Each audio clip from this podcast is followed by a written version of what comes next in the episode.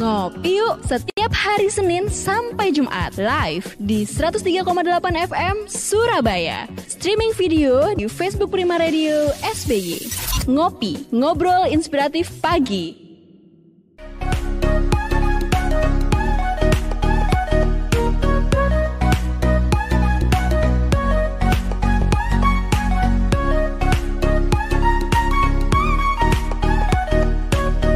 Selamat pagi, Assalamualaikum warahmatullahi wabarakatuh. Ngopi, ngobrol inspiratif pagi dari 103,8 Prima Radio Hadir pagi ini kembali. April Mop. Ya, 1 April kan? Oh, saya tidak akan memberikan kejutan, tetapi saya akan memberikan tipu menipu begitu. No, no, no, no, no. Uh, karena topik kita juga sangat menarik pagi ini, sahabat Prima dan juga rekan-rekan lain di stasiun seluruh Indonesia, rekan Raw FM di Padang Sidempuan, sahabat Tri Kota Pinang, rekan Patra FM Kota Duri, juga sahabat Kanbis Radio Riau dan pendengar Si Radio Maros. Tidak ketinggalan juga sahabat Tapanuli di Sibolga, teman setia Klik FM di Bang di Bali dan sahabat Gibel Muaro Jambi. Hari ini kita ngobrol soal hukum ya. Kalau hari Kamis ngopinya ngobrol-ngobrol soal hukum. Dan uh, tema kita ini memang menarik karena apakah sahabat Prima tahu apa itu uang prestasi atau penipuan? Kayaknya hampir-hampir sama. Terus bedanya di mana? Saya mengalami uang prestasi atau si dia sedang menipu saya? Nah, ini dia topik kita pagi hari ini dan sudah hadir di depan saya, di depan uh, televisi yang ada di depan saya di monitor ini ada Mas Yohanes Dipa Wijaya, SH, Sarjana Psikologi, MH, CLA. Begitu ya kepanjangannya Mas ya? Yap, betul. Kalau CLA itu apa Mas? Legal Auditor Mas. Legal Auditor, wow. Oke, okay. ini ya sarjana hukum tapi juga psikolog gitu ya. Sarjana psikologi. Dan psikolog, sarjana psikologi. Iya. Baik, ini teman kita yang akan bersama-sama dengan kita untuk membahas topik pagi hari ini One prestasi atau penipuan sih? Nah, kenapa topik ini menarik? Karena barangkali kita saat ini, kalau tadi saya tidak ngobrol-ngobrol dengan Mas Dipa, tidak eh, mengerti, tidak paham apa yang dimaksud dengan one prestasi, bedanya dengan penipuan. Nah, mungkin sekarang giliran Mas Dipa menerangkan awal obrolan ini kepada sahabat Prima dan pendengar radio yang lain. Ya, jadi kalau penipuan itu masuk ke dalam ranah hukum pidana, sedangkan uang prestasi itu masuk ke ranah hukum perdata. Itu uh, kelompok besarnya ya, hmm. terbagi jadi dua, penipuan dan uang prestasi. Lalu apa bedanya?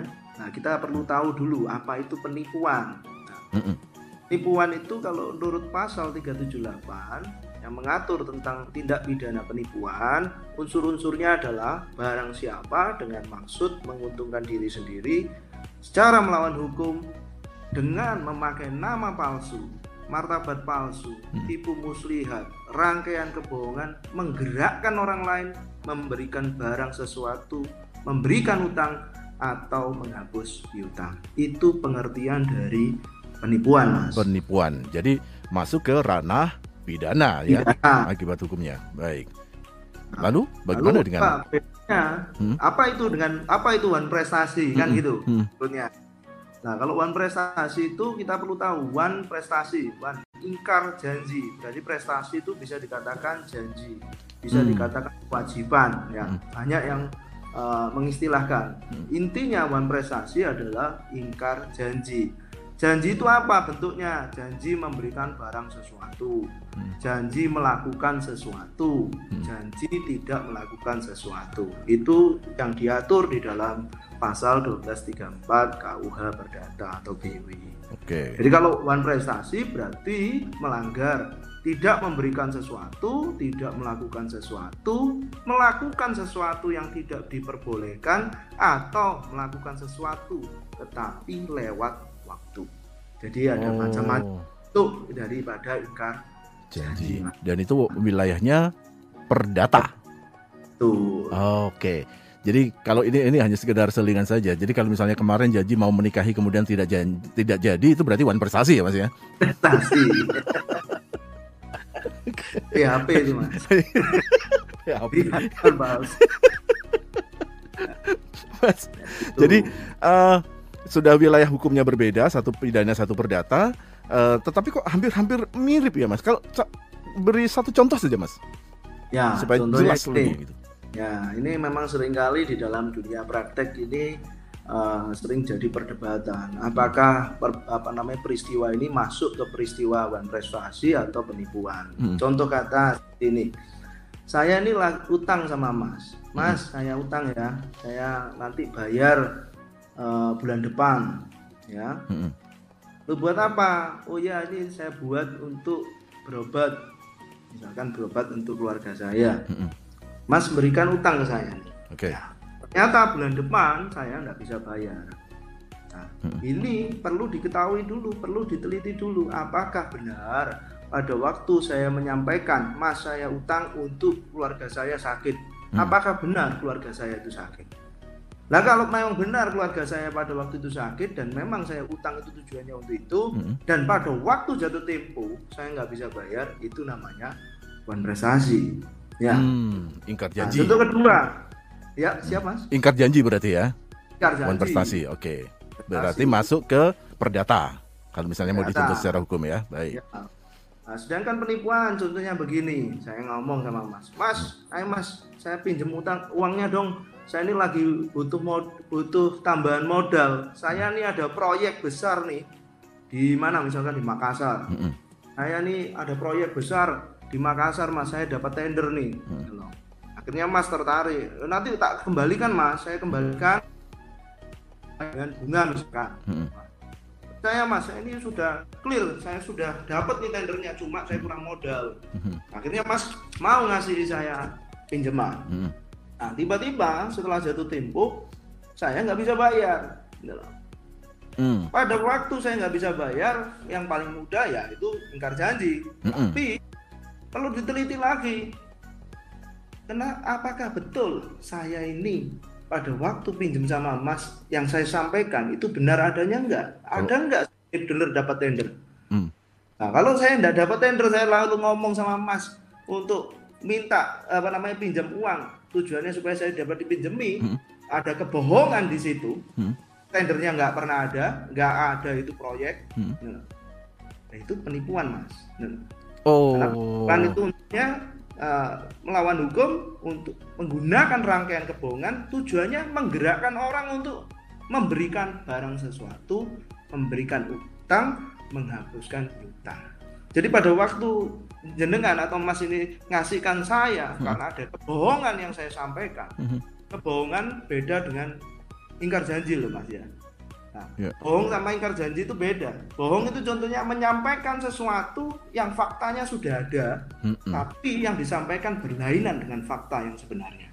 Jadi ya. kalau saya benturkan kembali dengan one prestasi dengan contoh terakhir tadi, maka sebenarnya mm. proyeknya ada, tapi saya tidak bisa mengembalikan. Itu berarti masuk ke one prestasi ya? Prestasi betul. Tapi kalau proyeknya nggak ada, tapi saya sudah kadung pinjam dan saya tidak membayar, maka mendingan yang dipilih dulu utamanya adalah penipuannya dulu. Nah, yang dituntut kalau secara hukumnya. orang pada umumnya kalau di dalam praktek, hmm? kalau ada kebohongan seperti itu lebih memilih masuk ke jalur hukum pidana. Pidana. Atau hmm. Nah, ini semakin menarik, menarik, sahabat Prima. Dan kalau misalnya Anda mau bertanya, saya beri kesempatan masuk ke WA Prima Radio di 0811 30 10 38, 0811 30 10 38, atau juga bisa masuk ke DM, huh? sorry, oh, Instagram live ya, uh, Instagram Prima Radio untuk bertanya ke yang pagi hari ini kita mengangkat tema tentang one prestasi atau penipuan. Nah, gitu ya. Baik, Sebelum kita lanjut, saya ingatkan lagi untuk sahabat Prima yang ingin merasakan kesegaran minuman yang mengandung alkaline delapan setengah, pilih uh, yang paling tepat. Pilihan paling tepat itu ada pada Cheers Alkaline Power 230 mili. Karena di Cheers Alkaline Power 230 mili itu ada kandungan alkaline hingga 8,5. Ini bisa membantu menyeimbangkan pH tubuh Anda sehingga daya tahan tubuh akan terjaga dan melindungi Anda dari virus. Bentuknya yang kecil dan seksi memudahkan untuk dibawa ke mana pun dan kapan pun. Tertarik? Silakan Anda pesan, duduk saja di tempat Anda. Anda tinggal WA atau telepon ke 0877 77243377 atau 0807 1243377. Cheers Alkaline Power 230 mili, sexy, healthy, easy. Kayaknya sudah ada yang masuk mas. Uh, Mungkin Mas uh, Dipan nerangkan beberapa dulu nanti sambil saya simak pertanyaan dari sahabat Prima yang sudah masuk ini. Ya, jadi itu tadi perbedaan mendasar adalah bagaimana apa penipuan sama uang prestasi. Perbedaannya adalah kebohongan itu disampaikan kapan? Disampaikan sebelum transaksi itu atau setelahnya. Kalau sebelum itu namanya penipuan, tapi kalau setelahnya misalkan saya pada waktu jatuh tempo saya ngomong mas, mas saya belum dapat bayaran mas, mm. padahal saya sudah dapat bayaran itu. Mm. Nanti ya mas bulan depan ya, gitu loh. Itu one prestasi mas, gitu loh. Karena mm. kenapa? Karena masnya sudah ngasih saya pinjaman dulu, sehingga pada waktu jatuh tempo saya nggak bisa kembalikan, lalu ada kebohongan di sana. Mm Nah, menurut beberapa jurisprudensi itu nggak bisa dikatakan penipuan karena emas hmm. pada waktu memberikan itu tidak ada kebohongan sama sekali. Ini loh. Kebohongan baru ada setelahnya atau dikatakan post factum itu tadi. Oke. Ini nah. apakah berhubungan dengan tema kita atau tidak? Tapi mungkin bisa dijawab. Hmm. Uh, ya. Pertanyaan dari teman kita yang jauh nih dari Sibolga, Bapak oh, Darmawan. Ini agak menarik nih case-nya nih. Uh, beliau ini Bapak Darmawan membeli tanah uh, seluas 2000 meter persegi. Ya. Uh, sudah di DP 50 juta. DP-nya 50 juta. Hmm. Kemudian tanah itu ternyata dia peroleh informasinya dari sebuah iklan di online. ya. Nah, mungkin nanti kita coba geser-geser ke topik kita ya Mas ya. Oke, ya. sekali lagi saya ulangi. Jadi tanah ini didapat dari iklan lewat online. Hmm. Nah, kemudian uh, tanah itu di ternyata tanah itu ada di Jakarta. Jadi beliau tinggal di Sibolga, tanahnya di Jakarta yang ditawarkan itu. Nah, ini sudah tahun keempat. Tidak ada kabar lebih lanjut, bagaimana kelanjutan pembayaran atau mungkin tanahnya sebenarnya itu ada di mana, suruh meninjau atau dan sebagainya itu tidak ada. Nah, bagaimana saya bisa menuntut ini? Nah, mungkin ini sekali lagi kita coba kaitkan mana wilayah uh, penipuan, mana wilayah wan prestasi mungkin, Mas. Ya, jadi kalau menurut uh, peristiwa ini tadi kan dia menerima iklan di melalui media online. Hmm. Ada tanah seluas 2000 ya. Hmm, 2000 meter persegi. Jadi, nah, harganya nggak tahu tadi nggak disebutkan, hmm. dia sudah kasih DP 50 juta. Hmm. Untuk mengetahui apakah ini penipuan atau uang prestasi, maka perlu diketahui apakah benar tanah itu ada. Nah, itu harus harus diteliti dulu Hmm. Kalau memang benar tanah itu ada, maka kalau uh, dia tidak melakukan transaksi lanjutan, bisa dianggap ini uang prestasi, ya dong. Ya kalau misalkan tanah itu memang nggak ada atau tanah itu ada tapi bukan miliknya lalu dijual, hmm. ini bisa dikatakan penipuan. Oh, gitu. oke oke oke. Ya betul. Seperti tadi contoh kita Jadi, yang objeknya itu ada ya. Kalau objeknya tidak ada, maka mending kita masuk ke wilayah penipuan itu ya. Ya, kalau menjual barang sesuatu barang yang nggak ada, berarti kan menipu itu, bohong itu. Hmm. Jadi tuntutan kita uh, men, uh, untuk masalah penipuan tanah yang tidak ada ya? Ya, Oke, okay, baik. perlu diteliti dulu apakah ada nggak tanahnya, ada hmm. nggak objeknya. Kan dia kata ada, apakah itu benar punyanya dia kan gitu. Oh iya betul betul betul. Mas, ini ada yang masuk di uh, IG Live Prima Radio ya. dari Samuel bla bla bla hmm. mau tanya kita dapat menga mengadukan delik aduan wan prestasi atau penipuan. Oh saya kurang paham. Saya ulangi saya ulangi. Hmm. Mas mau tanya di manakah oh gitu di manakah kita dapat mengadukan delik aduan wan prestasi atau penipuan? Di mana ya. Mas? Jadi laporan polisi ini bukan delik aduan, tapi ini delik biasa, ya. Oh, oke. Okay. bukan tapi delik nanti, aduan, tapi bukan, delik biasa. Bukan topik kita hari ini. Nanti mungkin okay. kita akan bahas apa sih delik aduan, apa sih delik biasa. Oh nanti. iya betul. Kayaknya itu akan lebih menarik ya, supaya tahu bedanya delik biasa dengan ya. delik aduan. Oke okay, oke. Okay. Silakan. Jadi uh, penipuan yang merupakan ranah hukum pidana, maka untuk pelaporannya ya di kepolisian, mas. Nanti di kepolisian setempat atau kepolisian di mana transaksi itu dilakukan. Oh. Fokus oh. di tempat di mana tindak pidana itu dilakukan. Kan itu. Jadi harus ke Kalau kepolisian dulu ya. Perkap yang terdahulu sebelum diganti memang uh, setiap uh, kepolisian itu boleh terima laporan sekalipun bukan wilayahnya gitu loh. Tapi hmm. eh, perkap tersebut saat ini sudah dicabut. Sehingga kalau kita lapor biasanya oleh kepolisian setempat ditanyakan di Hmm. mana peristiwanya atau di Hmm. mana kejadiannya. Mm-mm. Nah kalau kejadiannya di Makassar misalkan. Dia mau lapor di Polda Jatim, biasanya pasti akan diarahkan Bapak lebih baik lapor di Polda ah, apa Sumatera eh, Sulawesi Selatan. Selatan kan gitu Oh. tempat. Oke Kalau oke. perkap dahulu diterima, wajib diterima semua. Tapi perkap tersebut sekarang sudah dihapus. Oh, Oke, saya saya jadi tertarik dengan eh, case dari Bapak siapa tadi ya? Pak Darmawan yang ada di Sibolga tadi. Kalau kejadiannya itu dia mengetahui ada penjualan tanah di eh, Jakarta, tetapi kan Hmm. dia tahunya dari online. Iya. Maka apakah kita menuju ke Polda Metro ataukah di Polda Sumatera Utara? Karena dapatnya dari online, Mas. Nah, kalau online ini apa namanya bisa juga dilaporkan di mana Mas itu tadi transaksinya. Transaksinya misalkan transfernya di mana. Hmm. Dia melakukan transfer di mana? Hmm. Kan gitu. Bisa juga di Jakarta ya bisa karena dia mengatakan lokusnya di sana kan gitu. Apa namanya Oke. tepat tanahnya itu di sana.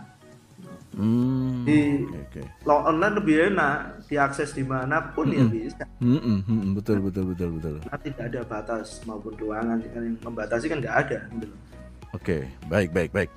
Sekali lagi untuk Anda, sahabat Prima yang ingin berpartisipasi, bisa WA ke 0811 30 10 38 atau juga bisa lewat eh, IG Live Prima Radio, tulis langsung di sana. Nanti saya coba untuk membacakan dan mudah-mudahan saya bisa memahami tulisannya. saya mengalami pemahaman yang telat nih. Masih bersama Mas Yohanes Dipa Wijaya SH, Sarjana Psikologi MHCLA untuk tema kita One Prestasi atau Penipuan. Sudah ada yang masuk lagi Mas? Dari eh, kayaknya tanah lagi nih. Hmm. Hmm, dari eh, saudara kita yang ada di Bangkalan, Madura. Pertanyaannya adalah dari Mas Syafiq, Pak Syafiq ya, Pak Syafiq atau Pak Mas Syafiq yang ada di Bangkalan. Eh, dia menyewa lahan untuk usaha. Karena di sekitar situ sudah ada banyak usaha. Jadi dia mengambil salah satu lahan tidak ditulis di sini berapa luasnya, tetapi dia menyewa untuk tiga tahun. Tiga tahun itu dia sudah bayar full di depan tiga tahun itu tidak disebut. Oh sorry disebutkan 35 juta mas. Kemudian di tahun yang kedua tahun lalu 2000 se- oh, 2019 berarti dua tahun yang lalu ya 2019 bulan Februari eh ada sebentar saya pelan-pelan Eh, ada sejumlah aparat yang datang ke wilayah itu dan mengatakan kalau wilayah itu lahan itu yang dipakai untuk beberapa usaha termasuk si Mas Afik ini eh, diakui oleh pihak aparat itu adalah milik mereka. Nah, eh, dan eh, pihak aparat itu mengatakan akan meminta mereka untuk keluar atau diusir begitu kalau tidak membayar sewanya lewat aparat tersebut. Sementara dia mencoba untuk menyampaikan kepada yang dia nyewa yang tiga tahun itu, itu sudah tidak bisa dihubungi. Hmm. Saya agak bingung, tapi ah, Mas Dipa paham ya? Paham. paham. Oke, monggo, monggo. silakan Mas. Kita sewa tiba-tiba ada orang lain nah, itu tadi disebutkan aparat ya Mm-mm. atau pihak mana pun lah yang mengaku juga memiliki lokasi yang kita sewa kan Mm-mm. gitu Mhm. jadi yang perlu diketahui eh, yang perlu diteliti adalah apakah pada waktu proses sewa menyewa tersebut ada nggak pernyataan dari yang menyewakan kalau itu adalah tanah miliknya you know. Hmm. itu. Tuh. Mm-mm. Yang kedua, andai kata itu sewa menyewa, kadang-kadang kan eh, ada sewa menyewa yang boleh disewakan kembali. Nah, ini yang kita harus teliti dulu, ini loh. Kalau dia kontrak, secara hukum memang nggak boleh kontrakkan lagi, tapi kalau itu disimpangi boleh nggak boleh, gitu diperjanjikan. Mm-mm. Misalkan saya Harus dicantumkan maksudnya ya? Ya, kalau Hmm. tidak dicantumkan secara tegas maka itu hukum kontrak apa namanya hukum sewa menyewa tersebut terhadap tanah dan bangunan itu tidak boleh disewakan kembali, gitu loh. Tapi Hmm. kalau disimpangi boleh, kalau diperjanjikan ya. Mhm. Nah, oleh karena itu eh, Mas apa tadi, Mas Syafiq. Afrik ya, Syafiq. Mas Afrik Heeh. nggak perlu terlalu khawatir dulu. Belum tentu yang menyewakan ini yang eh, melakukan penipuan atau wan prestasi. Bisa juga aparat tadi yang ngaku-ngaku Hmm. Mm-mm. diragukan apa dasarmu kok apa namanya mengatakan ini tanahmu, ini loh. Wong saya sudah menempati di sini tidak ada gangguan selama dua tahun ini. Mm -hmm. Nah, jadi jangan sampai uh, terlalu dini, uh, terlalu cepat untuk menilai. Wah ini sih menyewakan saya ini nggak benar. Nah belum tentu yang aparat tadi yang benar kan belum tentu mas. Mm -hmm. Oleh karena itu kalau yang aparat tadi misalkan merasa dia punya ya tinggal tunjukkan apa bukti haknya kan gitu. Oh iya. Dia bisa menunjukkan. Nggak bisa ngomong. Uh ini punya saya, ini dikuasai oleh uh, aparat dan sebagainya nggak bisa. Harus tunjukin ada ah. tertulis begitu, Mas? Ya, Mas Afif tinggal menunjukkan bahwa perjanjian ini loh, Pak, saya ini nyewa di lokasi ini dari si A. Ini bukti hmm. perjanjiannya. Hmm. Nah, mohon izin kalau misalkan jenengan merasa bahwa jenengan yang punya lahan di sini, saya mohon diperlihatkan bukti haknya, kan gitu. Karena saya ini sebagai penyewa yang beritikat baik, kan gitu. Hmm, iya iya betul. Nah, Mudah-mudahan jelas ya untuk Pak Syafiq yang ada di Bangkalan. Ini peristiwa semacam ini sebenarnya juga banyak ya Mas ya. Oh banyak sekali Mas. Karena saya pernah pernah ya di media lah begitu ya. Ini dipindahkan ke sini, ini mengaku itu dan sebagainya dan sebagainya. Akhirnya bulat malian. Masalahnya jadi ruwet gitu. Baik. Tumbang tindih. Tumbang tindih betul. Eh, kita break bareng dua menit saja dulu mas. Ada pesan-pesan yang harus wajib saya tayangkan sebelum kita eh, lanjutkan obrolan kita di ngopi ngobrol inspiratif pagi.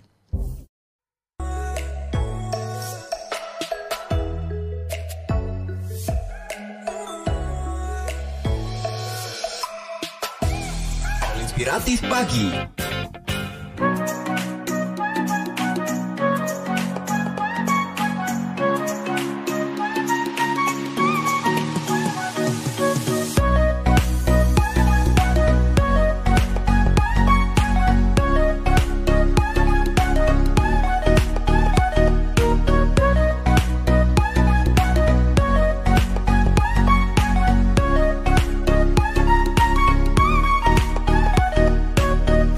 Bersama saya Didi Adiaksa dan juga Mas Yohanes Dipa Wijaya SH, SC, MH, CLH, CLA. Tema kita pagi hari ini di Ngopi Ngobrol Inspiratif Pagi adalah One Prestasi atau penipuan sih? Silakan kalau Anda mau berpartisipasi di 081130 Saya ulangi ya, 081130 atau bisa langsung tulis di komentar Anda di IG Live Prima Radio. Dan uh, terima kasih untuk yang sudah berpartisipasi. Ada beberapa pertanyaan yang sudah masuk, tapi saya tahan dulu. Uh, saya mau menyampaikan pesan. Mm, mm, mm, ini dia. Setelah sukses dengan enam sesi webinar Guru Prima, nah kali ini Prima Radio kembali bersama PGRI Provinsi Jawa Timur menghadirkan Guru Prima Academy pelatihan guru masa kini asyik dan menarik di balik kamera. Nah ini pelatihan untuk para guru, baik guru sekolah dasar atau guru sekolah menengah, guru kursus, dan semua tenaga pendidik untuk bisa meningkatkan kemampuan mengajar di balik kamera, baik saat kelas online maupun membuat video pembelajaran. Menarik nih, apalagi seperti sekarang. Harganya juga sangat terjangkau, sahabat prima, hanya 100 ribu rupiah saja Peserta bisa mengikuti tiga sesi bersama tiga mentor yang pastinya berpengalaman di bidang public speaking, broadcasting, dan mereka juga adalah para tenaga pendidik. Di sini, Anda juga bisa berkesempatan untuk praktek langsung dan pastinya akan mendapatkan e-sertifikat. Sesi pertama, uh, hari Selasa, 6 April 2001 secara online dan uh, jangan tunggu terlalu lama, segera saja sekarang daftarkan diri Anda karena kuotanya juga sangat amat terbatas untuk menjaga efektivitas pelatihan. Well, untuk informasi lebih lengkapnya, Anda bisa langsung menghubungi WhatsApp Prima Radio di 0811301038. Guru Prima Academy, guru asyik, murid tertarik. Baik, kita lanjutkan lagi tema kita tentang One prestasi atau penipuan? Mas Dipa, ada pertanyaan dari sahabat Prima atau mungkin tadi uh, ada yang perlu diulas dari beberapa pertanyaan sahabat Prima yang sudah masuk tadi, mungkin Mas? Ya, jadi kalau dilihat dari pertanyaan-pertanyaan yang tadi disampaikan bahwa banyak merasa wah saya ini merasa ditipu atau merasa uh, menjadi korban ingkar janji. Oleh karena itu sebelum melakukan transaksi berkali-kali saya sampaikan ke rekan-rekan, ke klien-klien saya harus melakukan cross check. Kalau mau sewa menyewa dilihat dulu apakah betul dia yang berhak. Jadi jangan sampai dia hanya nempati di situ lalu kita anggap dia yang berhak. Akan lebih baik di dalam membuat perjanjian sewa menyewa Hmm. ditegaskan atau disebutkan dengan jelas apa bukti hak kepemilikan dia atau apa bukti hak penguasaan dia kan gitu mas. Hmm, iya. Jadi iya. tujuannya supaya kita jangan sampai jadi korban karena kita kalau sudah bayar tiba-tiba di tengah jalan tadi ada orang pihak-pihak ganggu Hmm. kan jadi nggak nyaman apalagi kalau itu untuk tempat usaha dan lain sebagainya kan mas. Betul betul. Eh, yang paling males mungkin hanya sekedar ungkapan hati kali ini. Eh, perjanjian dengan bank misalnya itu banyak banyak banget. Tapi tulisannya kecil-kecil itu kecil-kecil. Nah. Jadi malas untuk membaca. Kayak gitu itu sebuah strategi atau gimana sih mas? Nah makanya kalau melakukan transaksi itu harus harus ngalahi dulu. Kalau udah gitu ya siap-siap uh, menerima resikonya nanti andai kata ada cacat prestasi atau Hmm. jadi korban penipuan bahkan kan gitu mas. Hmm. Nah, nah, sering kali saya kan nyampaikan bahwa ukurannya itu jangan sampai dilupakan. 5C ini, Bu, saya boleh balik bilang ke siapa pun lah Hmm. untuk transaksi parameternya 5C. 5C saya catat mas Nah, C yang pertama berkali-kali saya sampaikan mas, Hmm. nggak bosen-bosen saya sampaikan juga. Hmm. Pahami karakter orang atau dengan siapa kita ini melakukan transaksi. Hmm. Pahami dulu karakternya Hmm. apakah orang ini sering bikin, bikin masalah atau perusahaan ini sering kali eh, digugat atau sering kali memiliki masalah hukum. Nah ini kita harus waspada atau harus ada istilahnya memitigasi resikonya. Nah, Hmm. karakternya harus dipahami. Kemudian capitalnya, capitalnya, Capital. permodalnya, modal per- Hmm. jalannya ya toh. Nah, bikin transaksi dengan kita tiba-tiba capitalnya nggak nggak sesuai dengan eh, nilai transaksinya atau postur daripada karakternya kan gitu. Eh, contohnya gimana mas Eh, mau usaha eh, dia harus punya modal sekian maka cocok lah kalau dia eh, kita ajak kerjasama atau so- sorry mungkin detailkan lagi mas Ya, dengan capital itu kan, ini yang sering kali eh, muncul ya di praktek perumahan misalkan. Mm-mm. Kita lihat loh direkturnya. Nah, direktur ini mudah banget, nggak pernah lihat, nggak pernah tahu namanya. Nah, dari segi penampakannya juga tidak meyakinkan kalau dia itu direktur. Nah, kok Hmm. saya mau kok percaya kalau dia itu eh, memiliki usaha sedemikian besarnya. Nah, ini yang perlu diragukan. Capital sama karakternya oh, sama personnya ini nggak be- beda atau nggak nggak sama lah, nggak sinkron. Gitu. Nah, karakter itu tongkrongan gitu ya, kadang-kadang gitu, kadang-kadang sering kali di dalam praktek itu sering dijumpai nomini direktur atau direktur cuma bayangan dong, gitu loh mas. Hmm. Nah ini hati harus hati-hati. Oke yang Itu- ketiga mas Ketiga, masalah kolateralnya. Nah, kolateral ada nggak jaminannya? Hmm. Jaminan. Kalau misalkan transaksinya besar, dijamin dengan barang tertentu atau dengan pembayaran model tertentu enggak. Mm-mm. Nah, kayak gitu yang keempat, Hmm. masalah eh, capacity, Capacity. kapasitasnya. Hmm. Ya, kapasitasnya. Misalkan, oh ini perusahaan kapasitasnya produksi cuma 100 lah. Nah, Kok bikin transaksi dengan kita bisa menjanjikan atau meyakinkan kita dia bisa produksi 200. Hmm. Nah ini dari ukuran kapasiti aja nggak nggak memenuhi sehingga jangan sampai kita ini eh, dengan mudah membuat transaksi dengan yang bersangkutan karena tentunya pasti punya potensi untuk gagal memenuhi kewajibannya. Mhm. Yang ke- terakhir condition. Nah, condition. Condition ini kondisi sa- kondisi yang terjadi pada waktu transaksi atau mungkin prediksi kondisi yang akan terjadi di kemudian hari. Hmm. Contoh saat ini kan kondisinya lagi kurang baik ya untuk bisnis. Kenapa? Corona, ada pandemi, Hmm. banyak hambatan. Oleh karena itu dalam melakukan transaksi perlu dipertimbangkan hal-hal ini. Karakternya memang bagus, kolateralnya bagus, capacity-nya bagus, eh, capitalnya juga bagus. Hmm. Tapi orang ini bisa nggak memenuhi dengan kondisi yang seperti ini? Misalkan dia janjikan dia kirim eh, sampai ke dua hari, Hmm. dilihat, oh ini ada nggak ppkm misalkan atau psbb misalkan, hmm. atau ada nggak transportasi yang bisa menjangkau, yang menjamin bisa sampai eh, tujuan dua hari. Nah, kalau nggak gitu kan bisa jadi uh, potensi resiko, mas. Oleh karena Hmm. itu ini tadi yang harus benar-benar diperhatikan sebelum kita mengadakan transaksi dengan siapa pun. Oke. Nah, itu. Ini ini terlepas dari masalah politi- politik, tetapi kira-kira dengan contoh nih kemarin sempat ada iming-iming DP rumah 0%. Sekali lagi ini lepas dari masalah politik nih Mas. Uh, Iya. Tapi ketika saya sebagai konsumen atau orang yang ingin punya rumah, Hmm. saya perlu percaya atau tidak ya dengan uh, DP DP 0% itu? Nah, jadi tidak ada yang bisa memaksa kita untuk menyepakati sesuatu. Hmm. Kalau andai kata kita dipaksa untuk menyepakati sesuatu, tentunya perjanjian itu tidak memenuhi syarat sahnya perjanjian. Hmm. Otomatis kan batal demi hukum bisa bisa dibatalkan juga. Hmm. Nah, ini Mas, kalau untuk melakukan transaksi eh, perlu dilihat legalitasnya atau logis enggak? Janjikannya itu logis enggak? Kan gitu. Hmm. Nah, DP 0% itu menurut menurut kacamata umum itu logis enggak? Nah, Kalau Ya, enggak logis, Kayaknya nggak logis ya. ada legalitasnya, ayo jangan melakukan transaksi itu. Oh iya iya. Ayo saya Mas, ayo saya pinjam utangnya, pinjam uangnya dong. Atau Mas, ayo Mas investasi dengan saya. Nanti saya jadikan keuntungan 200% dua selama satu bulan. Hmm. Itu kan nggak logis. Nggak logis. Nah, kalau ini bertentangan dengan akal sehat, nanti dimarahi oleh Bung Rogi ya loh. membuat, membuat dia jadi lebih terkenal. Lah iya. Harus menggunakan akal sehat.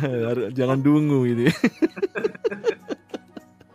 Oke, oke, kita masuk dulu deh untuk pertanyaan yang sudah ada di 0811301038 dari Ibu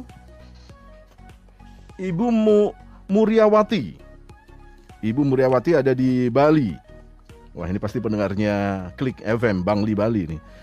Ibu Murya, Muryawati yang ada di Bali, pertanyaannya adalah pernah menjadi nasabah sebuah BPR. Hmm. Eh, waktu itu dia pinjam 10 tahun yang lalu sebesar 10 juta. Sudah dia kembalikan lunas maksudnya tahun 2018. Hanya 10 tahun lalu jadi 2000, ya 2019 kira-kira ya. 10 ta- eh, 2 tahun yang lalu BPR-nya itu sudah tutup. Tapi kok masih ada yang menagih-nagih dia untuk menyelesaikan hutang padahal dia sudah lunas, sudah ada buktinya mungkin begitu ya. Hmm. Nah, ini saya harus bagaimana, Mas Dipa? Ya, jadi kalau ibu sudah melunasi hutang, tentunya ada kan bukti pembayaran atau bukti pelunasannya. Nah, mengetahui apakah saya ini lunas hendaknya ya dilihat dari perjanjiannya juga. Jangan sampai Hmm. kita ini merasa bahwa kita ini sudah melunasi ternyata masih ada tunggakan. Oleh karena itu kita perlu lihat dulu uh, perjanjiannya antara Hmm. kita dengan bank. Yang kedua, jadi jangan cuma perasaan nanti. Kalau mengandalkan perasaan bisa keliru. Hmm. Ya. Hmm. Yang kedua ada pelunasannya. Kalau ada pelunasannya, ya sudah. Kalau ada pihak-pihak mengatakan bahwa kita belum lunas, ya silahkan nanti pihak tersebut disarankan menempuh jalur hukum saja. Karena kami sudah melunasi loh, jenengan ini loh, anda ini loh ke sini mengatakan jenengan eh, dapat kuasa dari siapa ini yang perlu ditanyakan. Jenengan itu loh dilengkapi nggak dengan kuasa? Nah gitu. Jangan jangan jangan yang datang ke kita ini cuma ngaku-ngaku saja, ngaku-ngaku dari BPR X misalkan. Hmm. Nah, untuk memastikan bahwa apakah benar dia adalah orang suruhan dari BPR X kita atau kuasa dari DPR X, kita perlu lihat legalitasnya. Mana sih lihat surat kuasanya? Memang harus Ya, begitu ya, Mas ya?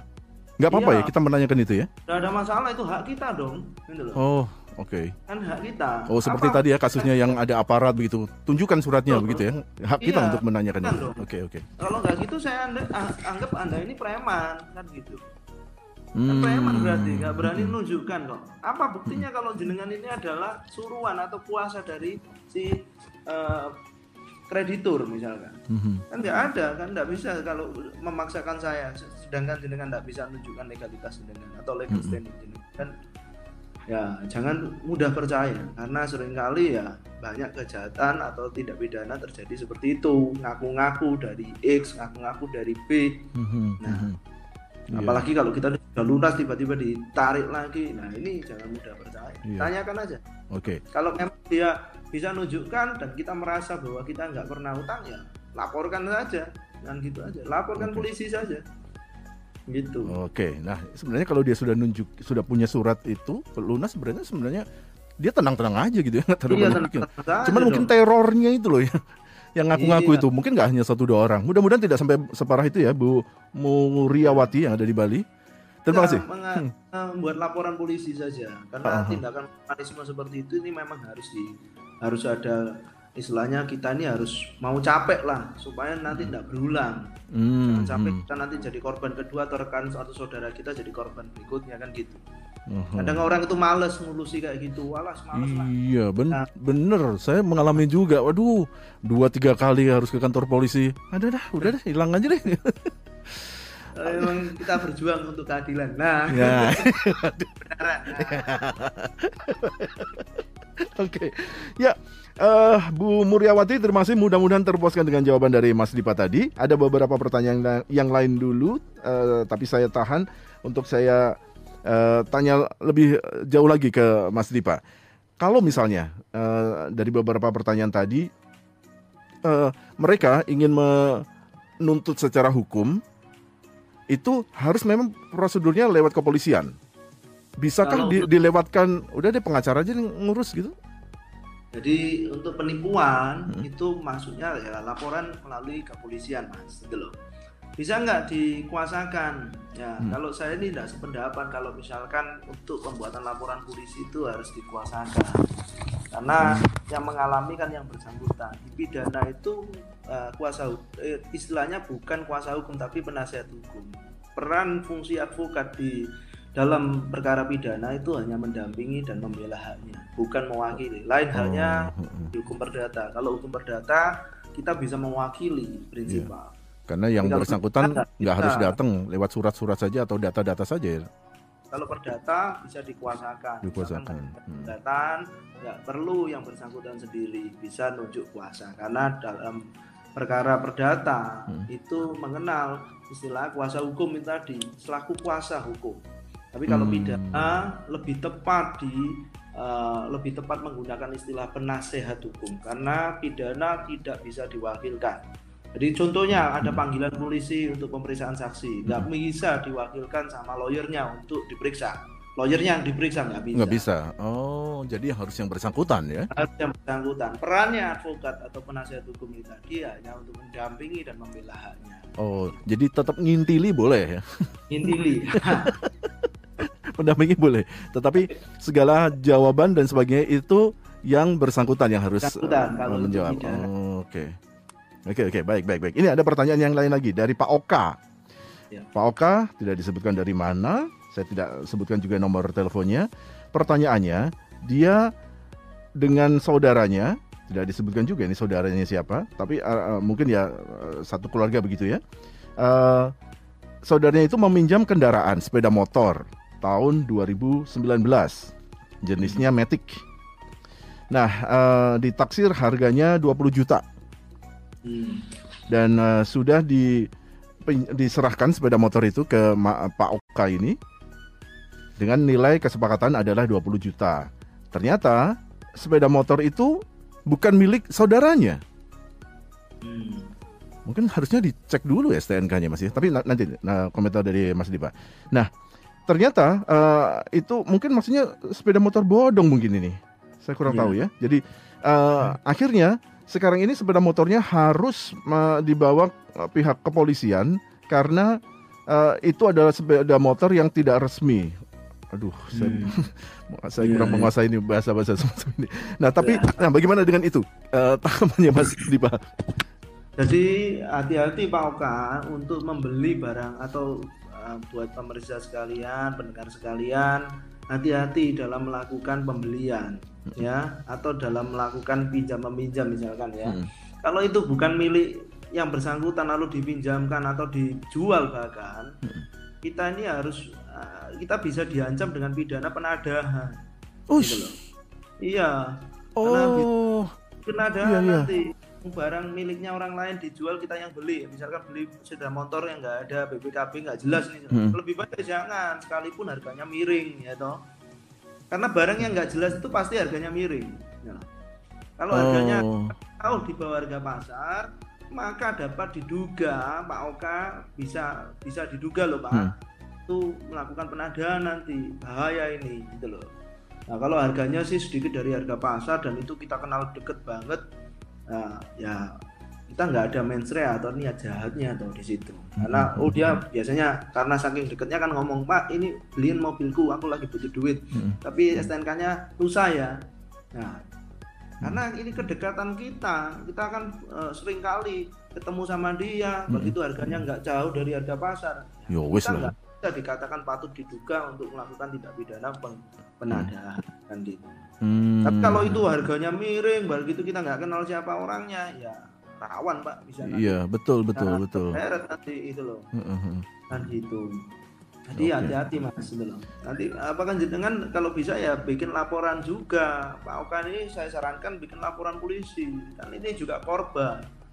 Oh, supaya tidak dianggap sebagai penada Nah. begitu ya? Nah iya supaya tidak Hmm. dianggap turut serta atau Mm-mm. membantu melakukan kejahatan kan gitu. Oh, iya, betul betul betul. Ini ada waktu yang sudah hampir mepet, tetapi ada satu pertanyaan lagi. Mudah-mudahan eh, Mas Dipa bisa menjawab lebih singkat. Eh, dari Ibu Maya. Wow, tulisannya lebih panjang lagi. Coba saya eh, persingkat, mudah-mudahan Mas Dipa bisa memahami. Saya eh, pernah didatangi sahabat lama saya, teman SD, tidak disebutkan namanya, eh, yang mengatakan kalau ibunya sakit dioperasi minggu depan dan dia tidak punya uang, tidak punya modal. Eh, dia mau pinjam uang kepada saya, maksudnya Ibu Maya ini seharga 90 juta untuk biaya operasi dan sebagainya mungkin begitu ya. Nah, karena saya eh, karena yang diceritakan ibunya itu operasi persis seperti sakit yang diderita ibu saya, akhirnya saya jadi luluh gitu. Jadi percaya, meskipun sebenarnya teman saya eh, SD ini sudah lama saya tidak berkomunikasi. Akhirnya transferlah saya sebesar 90 juta dan sudah diterima sama dia. Waktu jatuh tempo, teman saya itu mengatakan belum bisa mengembalikan. Oke. Akhirnya saya cari, ketemu di rumah dia dan dia menyerahkan satu unit mobil. Mobil eh, minibus se kalau lihat nilainya mungkin lebih tinggi kendaraan itu. Ya. Dia disuruh pegang dulu kendaraan itu untuk sebagai jaminan. Tapi ternyata baru belum satu minggu suaminya, suaminya dari sahabatnya tadi sudah datang ketika saya tidak ada di rumah dan mobil itu diambil kembali. Hmm. Oke, mobil itu diambil kembali dan akhirnya saya pun kembali eh, saya mendatangi teman saya yang yang pinjam itu dan akhirnya rum- sem- sampai waktu itu kejadiannya rumahnya kosong, tidak ada siapa-siapa lagi. Hmm. Eh, mungkin maksudnya kemudian dicari nggak ketemu mungkin begitu ya? Iya, Nah, eh, oke terputus sampai di situ. Kira-kira eh, sampai di batas cerita itu apa yang yang harus dilakukan oleh Ibu Maya terhadap sahabat lamanya yang dia sudah tidak kenal, eh, sudah lama nggak komunikasi, teman SD pula. Hmm. Gimana itu mas? Jadi perlu di apa namanya di ke- cari tahu apakah benar ibunya itu operasi pada waktu itu. Hmm, Kalau mau kita mau laporkan otomatis kan oh ini penipuan. penipuan betul. Unsurnya apa? Unsurnya itu harus terpenuhi dulu. Ada nggak nama palsunya? Ada nggak martabat palsu? Ada nggak tipu muslihat? Ada nggak rangkaian kebohongan? Hmm, Nah, sehingga kita ini tergerak untuk memberikan utang. gitu loh. Mhm. Kalau nggak ada rangkaian kebohongan, nggak ada nama palsu, nggak ada martabat palsu, nggak ada tipu muslihat, Mm. itu nggak bisa dikatakan penipuan. Sehingga harus dicari tahu kalau sebelum laporan harus cari tahu dulu bener nggak sih pada waktu itu waktu mau pinjam saya menyampaikan bahwa ibunya operasi bener nggak ibunya operasi tanyakan ke teman-temannya Gitu loh. Hmm. Nah, kalau itu nggak nggak ada operasi nggak nggak sakit ibunya bahkan nggak sakit misalkan ya Hmm. Nah, yang nyampaikan seperti itu berarti kan Penipuan. kebohongannya ada Gitu loh.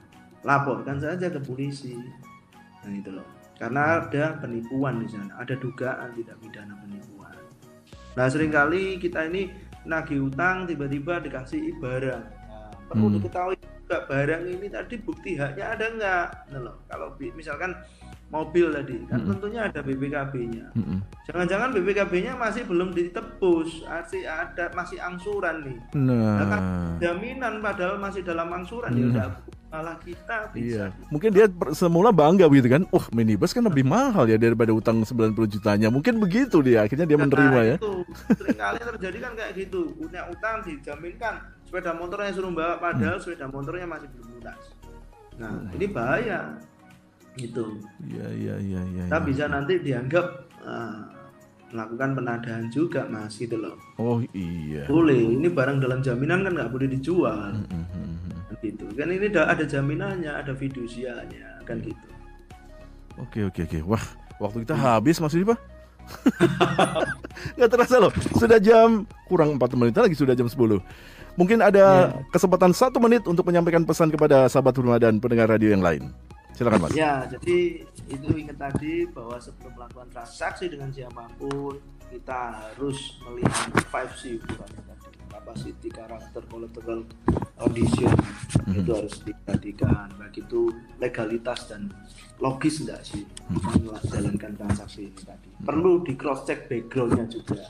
Nah, bener nggak kalau dinyatakan sebagai si A dicek backgroundnya dan gitu. Melalui media sosial kan sekarang gampang. Banyak, banyak bisa. Mudah sekali sebenarnya. Nah, di saran saya nggak enak mak kalau misalkan jadi korban itu ya. Laku ya jangan sampai. Iya. baik, baik, baik. Mas Yohanes Dipa Wijaya, SH Sarjana Psikologi MHCLA, narasumber kita pagi ini di Ngopi. Waktu kita sudah habis. Mas Dipa, terima kasih banyak. Terima kasih. Sukses selalu dan sehat-sehat, Mas. Amin, amin, amin. Sama-sama mas. Iya. Baik, sahabat Burma, berakhir sudah untuk acara ngopi, ngobrol inspiratif pagi hari ini. Saya Didi Adiaksa pamit. Assalamualaikum warahmatullahi wabarakatuh. Ngopi yuk setiap hari Senin sampai Jumat live di 103,8 FM Surabaya. Streaming video di Facebook Prima Radio SBY. Ngopi, ngobrol inspiratif pagi.